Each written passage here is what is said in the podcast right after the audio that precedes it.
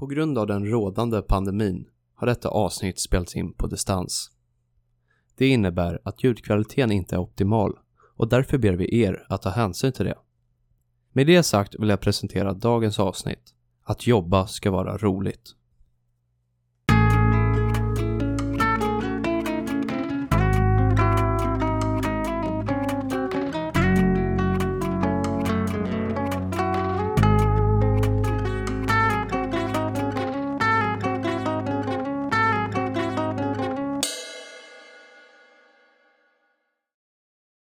Hej och varmt välkomna till Vad nu podcast.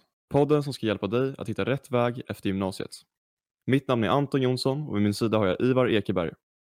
Dagens tema är att jobba ska vara roligt. I dagens avsnitt gästas vi av polisen Annette Fridlund Stenström. Hej Annette! Hej! Hej! Skulle du kunna berätta lite kort om dig Hej. själv? Ja, jag ehm, heter Anette Stenström Fridlund. Det är jag som har skrivit fel tidigare. Jag är, fyller snart 20 55 år.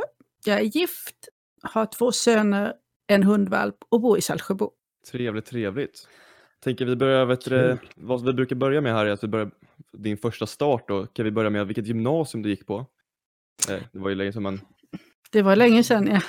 Jag gick eh, på ett tekniskt gymnasium på, i, som heter Lars Kaggskolan i Kalmar. Alltså, om jag, då, då bodde du då i Kalmar då innan nu. Nu bor du i Stockholm i Saltsjöbo. Jag kommer ju från Småland ursprungligen och eh, Ja. från den lilla orten jag hade, bodde i så var Kalmar min närmaste ort och det var där gymnasierna fanns. Så det blev liksom att man automatiskt, eller fick man välja på samma sätt som man gör nu? Eller blev det att man automatiskt eh, gick på liksom det gymnasiet som låg i, i liksom staden eller byn där man bodde? Det fanns ju flera gymnasium så det berodde på lite vilken, vilken linje man valde. Och då var ju Lars Kaggskolan som jag gick på, det var ju det tekniska gymnasiet där de tekniska och NA-kurserna gick. Sen fanns det ju ett eh, humanistiskt där det fanns samhällsvetenskaplig och hum och sådana saker. Och så fanns det ju en vårdlinje, ett vårdgymnasium också. Ja, Okej, i Kalmar också då? Eller? Ja, så när du valde en linje så handlade det om var låg linjen, i vilken skola låg linjen. Ja, det var lite så man valde liksom. Ja, Och sen ska vi ta lite bra, du gick på gymnasiet då i Lars Kag. Så ska jag tänka, vad gjorde du sen då? Hade du något jobb under gymnasiet eller vad var det första steget du gjorde sen efter gymnasiet? Ja, under gymnasiet så sommarjobbade jag som simlärare ett antal år. Eh, och dessutom så var, jag läste fyra år i teknisk och då var man tvungen till att göra praktik, vilket jag gjorde på en pappersmassafabrik. Det var väl sex veckor på sommaren man var tvungen till att göra det här. Ja. Var den där praktiken, var det under sommarlovet eller var det liksom Japp, det var under, under skol... Ja, du, Nej, det var så du hade liksom en obligatorisk, så du hade alltså en obligatorisk praktik under sommarlovet? Ja, men vi fick ju betalt för det också. Ah, okej. Jag förstår. Så det blev lite som ett sommarjobb ändå? liksom. Ja, men precis. Men då är ju tanken att vi skulle förstå lite vad det var vi pluggade för. Lite praktiskt. Ah, jag förstår. Och hur tyckte du det var? Ja, men det var både roligt, men det som var tråkigt som det alltid är när man gör praktik, det är att man får ju inte göra så mycket själv. Man får ju mest gå med och titta och få dra någon skruv här och var. Det tyckte jag väl var sådär. Jag vill, eh, man vill ju prova testa själv, men man kan ju ingenting i en sån där fabrik. Ja. Nej, just det. Själv som simlärare då på så som sommarjobb, hur var det då? Ja, jätteroligt. Jätte, vi jobbade utomhus och hade ett, ett helt gäng unga, eller många olika kurser. Så, och jag tyckte ju om att bada och simma. Ja. Så det var ju Ja, det var ett kanonjobb att ha på Ja, sommaren. verkligen. Och då jobbade du då med barn då mycket? Kan jag... Det var barn och vi jobbade fyra veckor under somrarna mm, okej. Och vilka, alltså, vilka lärdomar och erfarenheter har- tycker du du har fått så här, du säger i efterhand nu när du har kommit in lite mer i arbetslivet? Har du sett att det har hjälpt dig någonting? Just de här första jobben och dina första erfarenheter? Ja, men det är ju det här att man är ansvarig. När man hade hand om barn, då var man ju tvungen till att hålla koll på barnen så ingen drunknade. Eh, veta vad de var, hålla sina tider. Men man måste ju också ha roligt under den tiden och det hade vi ju. Men, men mycket sådant att ta ansvar tror jag. Ja, okej. Så det var, det var lite Ja. mer huvudgrejen, att du, det är det du märkt haft mest nu, liksom. Kom in i en lite mer rutin då. Precis. Så då tänker jag lite efter gymnasiet då, du gick eh, fyra år tekniskt. Mm. Eh, och sen så jobbade du, sommarjobbade du lite, praktiserade också. Eh, Mm. Men efter det då, efter gymnasiet direkt då, vad, hur såg dina planer ut då? Jag eh, gjorde ett specialarbete i fyran och då fick jag jobb på det företaget som gav oss uppdrag. Så då jobbade jag som maskinritare eller maskinkonstruktör under några år. Eh, vad är det för något om du skulle vilja förklara? Ja, Jag jobbade på ett företag som eh, gjorde maskiner som fyller tuber. Någon ska ju göra det också, du vet tandkrämstuber, kaviartuber, eh, majonnästuber, ja men Ja, eh, you name it. Ja, Eh, och då eh, var min uppgift var att li- rita ut och lägga ut layouten så de fin- fanns, fanns plats i de lokalerna som de här stora maskinerna sen skulle in i. okej. och att modifiera de maskinerna så att de skulle få plats där inne. Och det gjorde jag mycket via dator. Datorn hade precis kommit och CAD-programmet var väldigt nytt på den tiden. Men så det var lite mer ett praktiskt jobb lite kan man säga? Ja, det var väldigt mycket ritjobb ska jag säga. Ja, okej. Rita och mäta Ja, och verkligen. fundera. Du satt mest, var det liksom på ett kontor eller var det... Jag satt ju på kontoret, sen fanns ju fabriken vid sidan om, alltså i samma område. Så man gick ju därifrån och kollade så att allting funkade. Men mitt jobb var att sitta vid datorn, eller ja, vid datorn och ritbordet och rita hela dagarna. Så det gjorde du då det Och det- direkt efter gymnasiet? Mm. Så då tog du anställning där då? Efter ditt, eh, du sökte ju, vet du du fick ju det jobbet genom gymnasietiden då. Ja, Men eh, sen under samma år då, det- reste du någonting eller tog du någon paus? Hur länge jobbade du på det där jobbet om du skulle? jag tror att jag jobbade där ett par, tre år. Och sen eh, kände jag att det här var nog ingenting för mig. Då Tre år är en ganska länge period om man skulle... Ja, det... Men jag var ju tvungen, jag ville ju också lära mig det jag gjorde. Ja, Eh, exakt. Och så var jag inte riktigt redo för högskolan än så länge så att jag kände att ehm, jag, ehm, jag måste fundera på vad jag vill göra efter det här. Så då tog jag en paus och så stack jag ut och reste i Asien och Australien tillsammans med en Okej. kompis. Okej. Var, varför bestämde du dig för att resa just till de ställena? Det var exotiskt, det var varmt, vi stannade borta över hela vintern. Och få uppleva lite, jag tror jag behövde fundera lite vad jag ville med livet då, eller vad- vart jag ville vidare, vad som skulle hända härnäst. Vart i Asien var det du åkte då? Eh, vi åkte till eh, Thailand och så åkte vi ner via Malaysia, Singapore och eh, Indonesien. Och så flög vi över till Australien. Och sen så Ja. var det tillbaka till eh, Indonesien och så flög jag hem från Singapore. Det var nästan som en tågluff i Asien då, kan man Ja, säga. det kan man säga. Vi backpackade.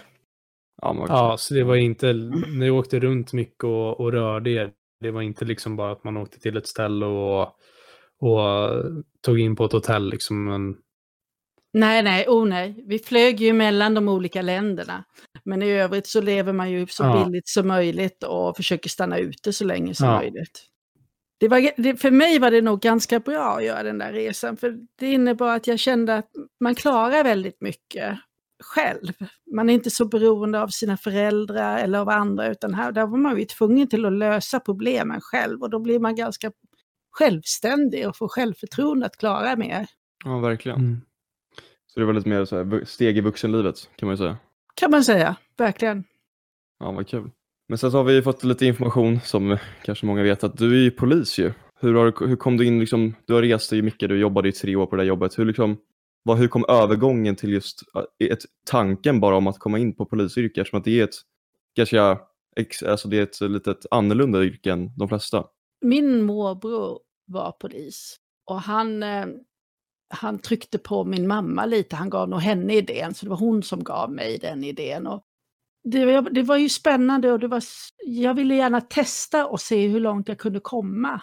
För det är ett spännande yrke och jag, eh, jag hade ju insett att jag, jag var nog ingen kontorsråtta i alla fall som kunde sitta eh, framför tv eller framför datorn.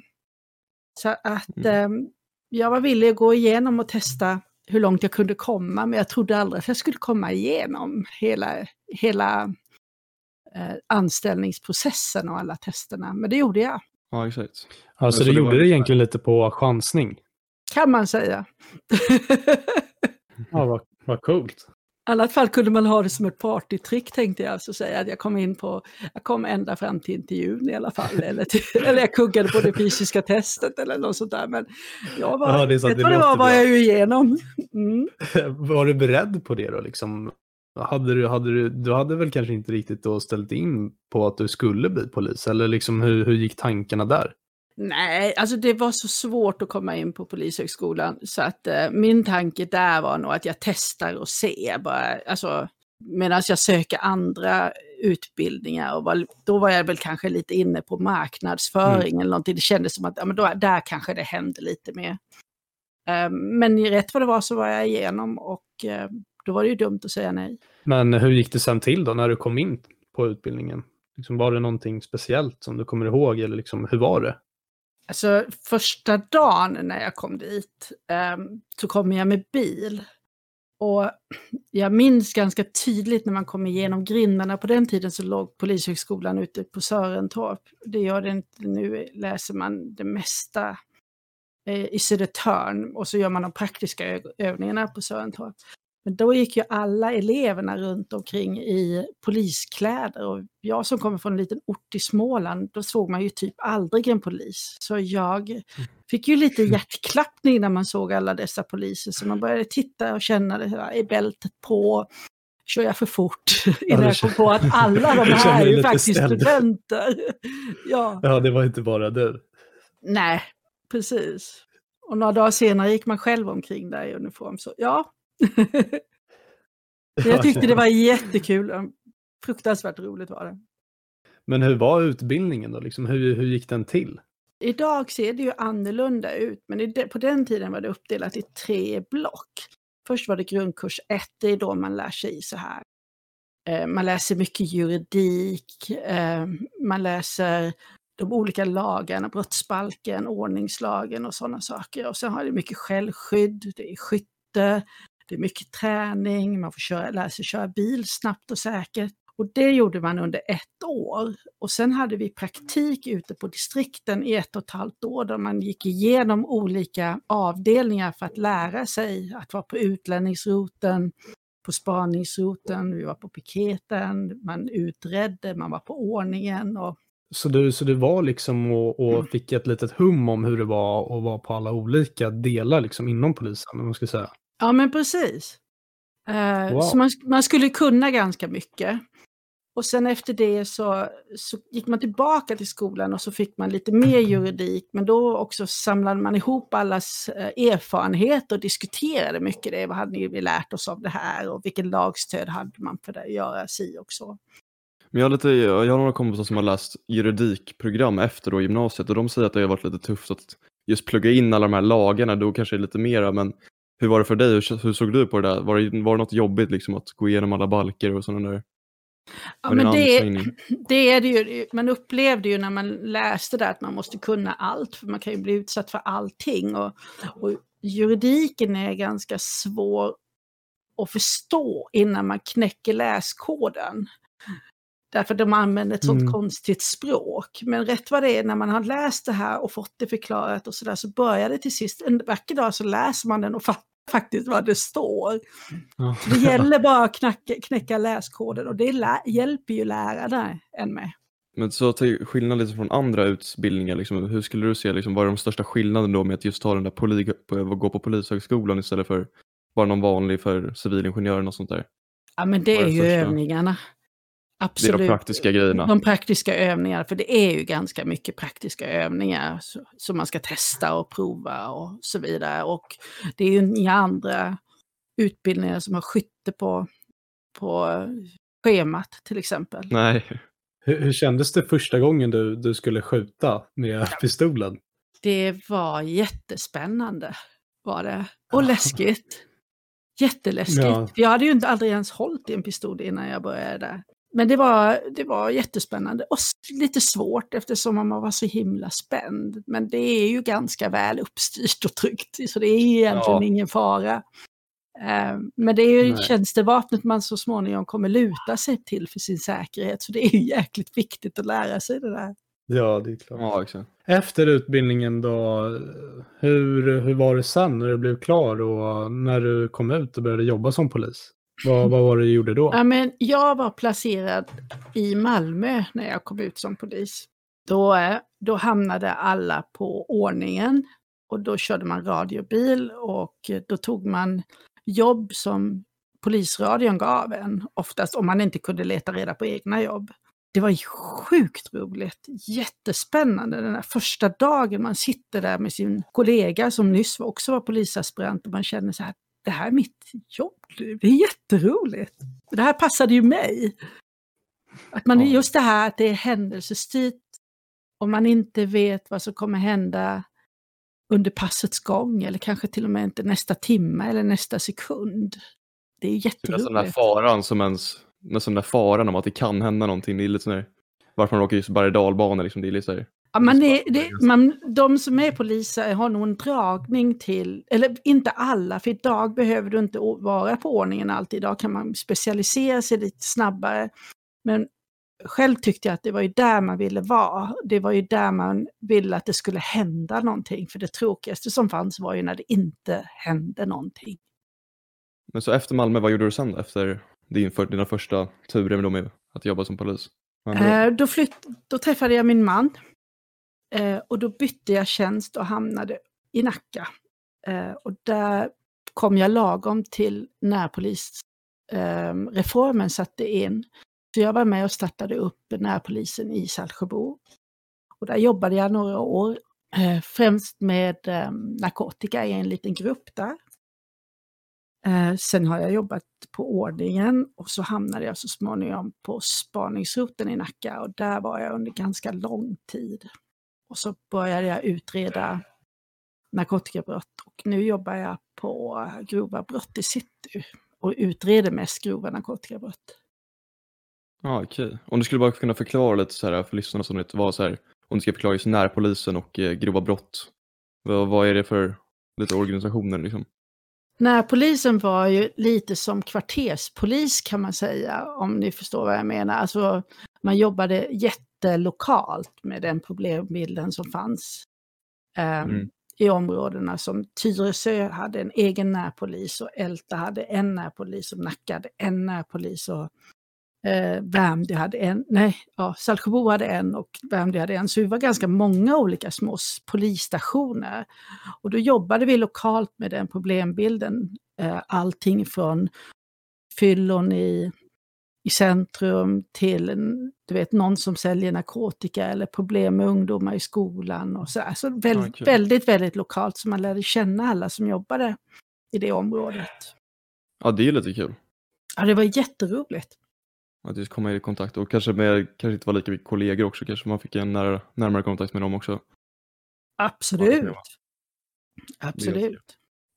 Sen grova brott då, vad var det för någon organisation? Grova brott det är de, den avdelningen som tar de grövsta brotten som vi har. Alltså det vill säga mord, kidnappningar. Vi jobbar också med sexualbrott, alltså våldtäkter, grova narkotikabrott, kidnappningar. Ja, men sådana såna brott. Det som inte gäller rikets säkerhet, för de jobbar vi inte med. Och då specialiserade du dig i då narkotikabrott då? Det var Jag speci- avdelningar där i. Jag är specialiserad på narkotikabrott, även om jag är med och utreder andra brott, så man vet aldrig. Ibland får man ju hoppa in i ett mordärende eller i en våld, ta en våldtäkter eller sådana saker. Okej. Men vad är, det du, vad är det som du gör där? På den avdelningen? Liksom? Det man gör är ju att man, man letar bevis som ska hålla i rätten. Man håller förhör, man går igenom telefon, alltså vi tömmer telefoner, det betyder att vi speglar de misstänktas telefoner så att vi kan leta i dem i datorn istället. Eh, vi, tar, vi analyserar beslag. Och så försöker vi hitta pusselbitar så det här ska hålla i rätten så att någon ska bli dömd. Eller om den inte har gjort det ska kunna bli friad. Så vi- man kan säga att jag lägger pussel på dagarna. Vad tycker du om det- det? Nu tycker jag det här är jätteroligt. Nu tycker jag det är kul. Nu har jag jobbat ute i så många år, speciellt som spanare, så att nu tycker jag att det är väldigt roligt att hitta eh, de där pusselbitarna. För inte nog med att du kanske har narkotikan hemma hos dig, du ska ju dessutom veta att du har den där narkotikan hemma hos dig. Annars kan du ju inte bli dömd om det är någon annan som har ställt in den om du inte vet om det. Så mitt jobb är ju nu att kunna hitta bevis för att den här personen faktiskt vet om att det är hans narkotika. Till exempel. Nu tänkte jag att vi faktiskt går över till lyssnarfrågor som vi har fått här till dig.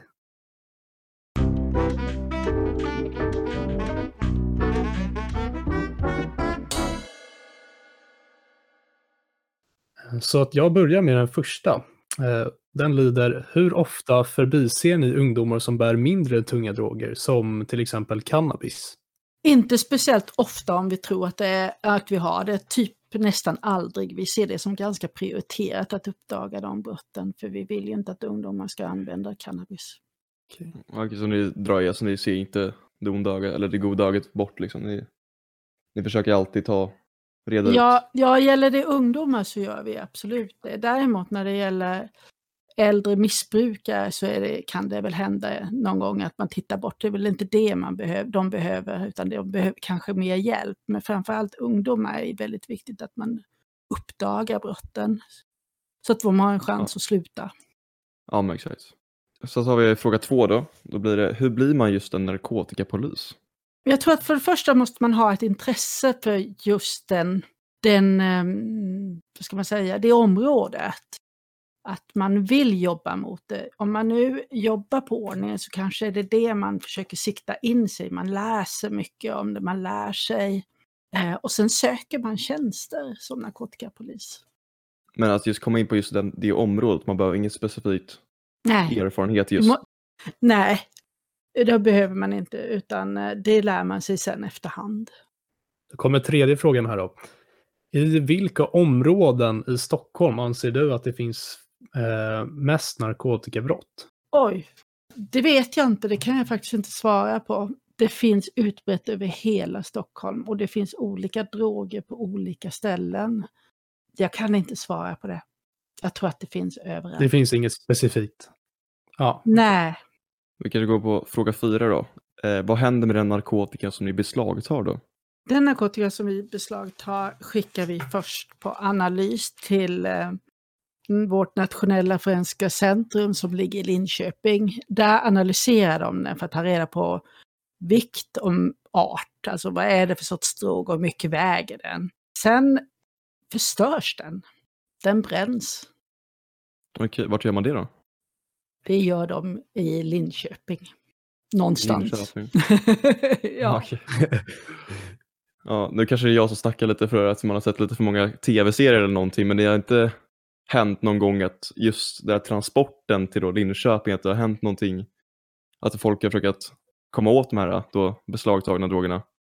Eller det har ni inte haft några problem med? Eller transport? Vi har, vi, har aldrig, vi har aldrig haft problem med det och ofta när vi transporterar en större mängd dit det, då kör man i flera bilar och kanske delar upp beslagen i flera bilar. Man undviker att ha allt. Det, det här, då pratar vi ju kilon Ja, eh, av tunga droger. Mm. Då undviker det, vi att göra det. ja. Men eh, de mindre mängderna, de skickas ju oftast internt eller med brev. Med post. Ja, med, bre- ah, okej. med postbrev? Mm. Okej. Mm. Mm. Ja, Fast rekommenderat då så att man kan följa det och sådär. Perfekt, det var alla vi lyssnarfrågor som vi hade då, som vi hade Mm. fått upp från vår Instagram, som ni alla lyssnare kan gå in på och följa Vad nu podcast. Lite roligt sådär. Men om vi går tillbaka då till våra egna frågor till dig, så Mm. skulle vi liksom, vad har du, dina mest speciella upplevelser som po- polis? Liksom, har du några så speciella händelser kanske, till och med? Jag har ju massor med eh, både roliga och, och eh, kanske mindre roliga minnen. Men vad ska jag välja för någonting?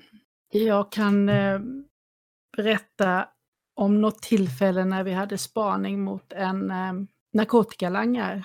Och vi Okej. befinner oss i ett område där, det, där vi vet att de plockar ut oss väldigt enkelt. Därför att vi passar inte in i området. Och då hade jag med mig min hund som fick, för dagen fick bli spaningshund.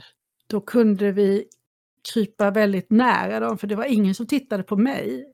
Utan de tittade på hunden hela tiden. Så det var inte hunden de lade märke till det. Så det var ingen som tänkte på att jag snodde runt där. För jag såg ut som jag gick omkring och rastade hunden istället. I verkliga fallet så var det narkotikahund då? Nej, det var en, en Det var en eländshund. En okej.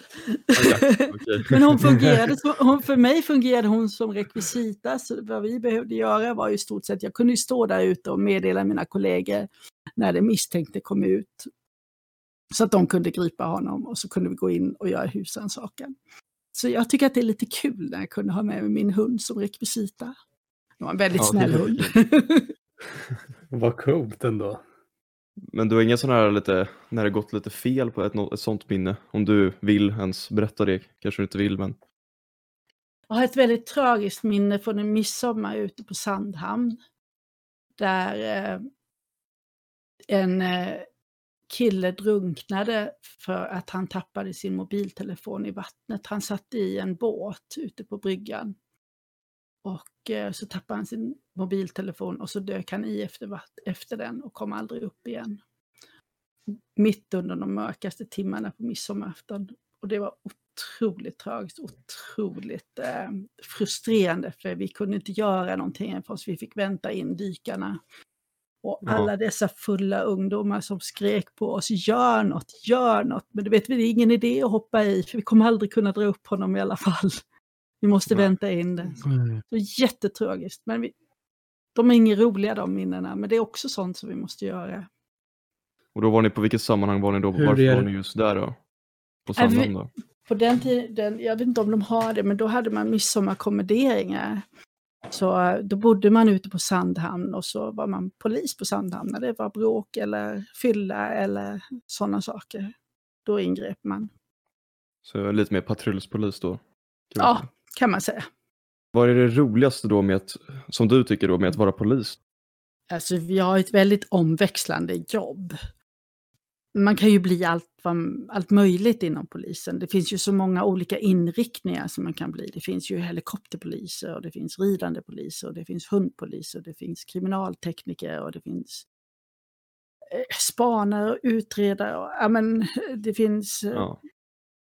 och jag fick, har ju fått möjligheten att rikta in mig och jobba mest med det jag är intresserad av. Och jag gillar ju att jobba med narkotika för jag anser ju att jag hjälper, hjälper i förlängningen de som missbrukar i förhoppning om att de ska sluta missbruka. Men också att man hjälper deras familjer. För de, det är ganska jobbigt att ha en missbrukare i familjen. Och att kunna hjälpa dem ge, att få stöd. Och dessutom vill vi inte sprida narkotikan så den blir ännu värre. Så jag har ju turen att få känna att jag gör någonting som är viktigt. ja, men verkligen.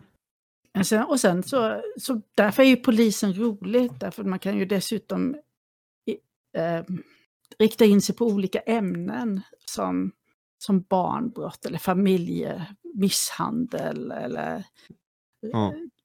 Ja, men det, det, det, det finns mycket, man kan jobba med supportervåld. Det finns ju så himla mycket att få jobba inom polisen. Så bara för att du jobbar inom ett ett tag betyder inte att du måste jobba där resten av livet, utan då kan man byta inriktning. Och sen har, man ju, Ja. har vi ju fantastiska kollegor. Det är något speciellt att jobba inom polisen, för det är en sammanhållning med poliser som är svårt att ha i andra som, som, som sällan finns i, all, i andra yrkesgrupper därför att vi har alla samma utbildning. Mm. Och ha Jag sam- känner att man inte är lite, man är inte lite fa- man, du är inte fast i ditt yrke liksom. Du kan liksom, du kan byta när du vill liksom. Du, som du kanske med några andra yrken så kanske man känner att det här är det jag jobbar med. Nu kanske jag är fast, utan du kan ändra helt och bli eh, människohandelsinriktad inom polisen. Absolut. Bara det finns lediga tjänster. Så att eh, det, finns, det finns väldigt, väldigt mycket att byta inom polisen. Men vi är ju rätt specialiserade.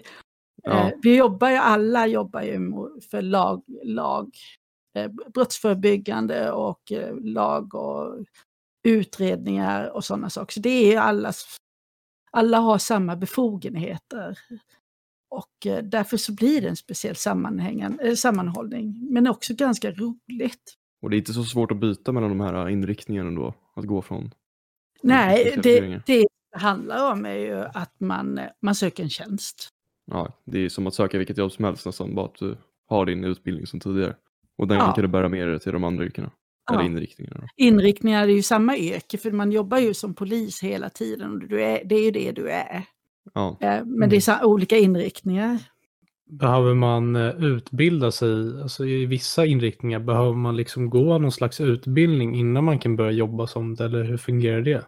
Absolut, vi- i vissa, jag menar du blir inte helikopterpolis sådär utan du måste ju liksom, Nej. du får ju göra test för att se om du, om du klarar av att gå den och sen får du, alltså eh, att ens komma in, att bli antagen och sen så måste du gå en utbildning och så är det ju också inom flera andra områden, att du måste utbilda dig vidare inom det området. Jag menar, söker du till piketen eller till insatsstyrkorna, då får du också göra test innan för att se. De vill ju ha de bästa, liksom, och det är ganska tuffa fysiska test.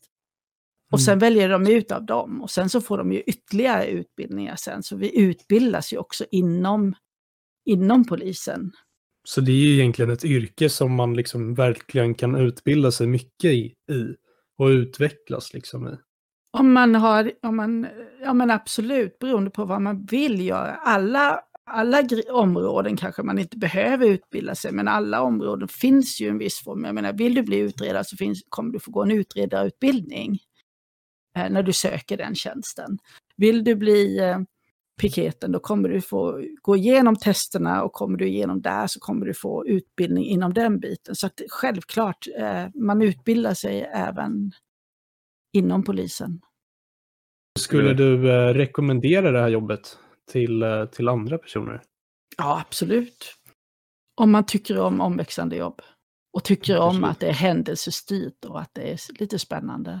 ja lite mer aktivt jobb kan man nästan säga. Det kan man nog säga. Man får ju ändå tänka på att det är lite sådär, när ingen annan klarar av någonting än, då ringer man till polisen och hoppas att de ska komma dit och lösa problemet. Och det är det man måste vara, man måste ju Ja. vara rätt lösningsfokuserad, men det är ju det också som är väldigt roligt. Ja, det är ju väldigt utmaning kan man ju säga. Väldigt. Ja, det är det. Men det är kul och det, är, det händer grejer. Och man är ju i, i mittpunkten liksom, så man får ju veta vad som händer och vara del av det. Och man får hjälpa människor. Ja, det är ju verkligen det så fulfilling nästan. Så om man tycker det, sånt är kul, då tycker jag absolut man ska söka till Polishögskolan. Eller polisutbildningen heter den nog idag. Om vi skulle kunna bara runda av lite avsnitt så här. Har du några tips till ungdomar som vill bli poliser? Eller till ungdomar generellt? Jag skulle säga, jag fick tipset när jag skulle söka till Polishögskolan. Eh, så sa de, lös korsord för att träna upp din ordförståelse, för det är bra inför provet. Förutom att man ska träna fysiskt och så vidare.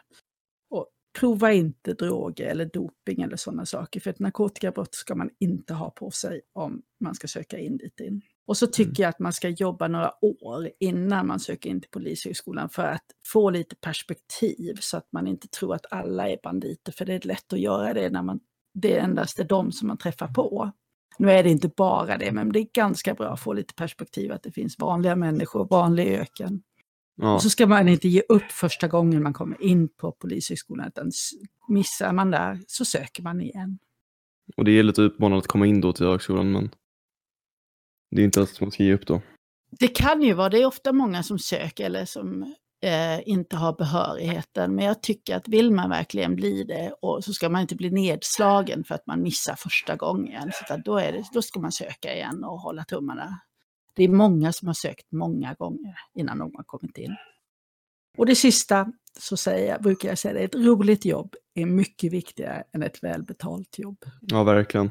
Ja. Det märker man ju när, när jag pratar med dig, du verkar, verkar verkligen gilla ditt jobb. Och det är ju verkligen kul. Ja. ju. Eftersom att man ska göra det så länge så är det ändå viktigt att man hittar verkligen någonting som man ska så- göra Som ett ung bra tag. så, så tror jag att man måste inte, alltså det du väljer, ni väljer nu efter ni slutar skolan, det betyder inte att ni måste jobba med det resten av livet. Man hamnar ofta på små stickvägar, fast det var inte det man, så det ni väljer är, om ni väljer ekonomi nu så är det kanske inte säkert att ni kommer plugga, eh, jobba med ekonomiska frågor framöver. Men ni har lärt er någonting under den tiden och så kommer ni plötsligt på något annat som ni kommer jobba och så blir ni erbjuden ett annat jobb. Så liksom, det gäller bara att vara hela framtiden hänger inte på just nu. Den kommer istället. Ni kommer hamna på så mycket andra, för liksom, fasen jag var tekniker, fyra, läste fyra år i teknisk och jag blev polis. Det är liksom inte ens i Ja. närheten. Kul ja, jag tycker det är det. väldigt kul att höra det här. Och det är en väldigt cool historia känns som också som du har. Jaha. Och du verkar vara väldigt liksom, passionerad för eh, ditt yrke också. Man blir verkligen inspirerad. Eh, jag tycker faktiskt att det är jätteroligt. Eh, Ja, jag, tycker, jag, tillhör, jag brukar säga det, jag tillhör de få som tycker att det är roligt att gå till jobbet. Inte alla dagar, men oftast. Som faktiskt, jag, jag, som fakt, jag gör faktiskt någonting som jag tycker är roligt. Men man måste Ja, ha, man måste, det är bra om man brinner för någonting och då är väl det hållet. Men inte fan visste jag när jag gick, bodde i Blomstermåla att jag skulle brinna för narkotikabrott. jag hade ju aldrig ens sett droger. Nej, precis. Ja, det är sjukt. Ja, då är det det du håller på med. Ja, det är Och det är väldigt, det är väldigt coolt. ja.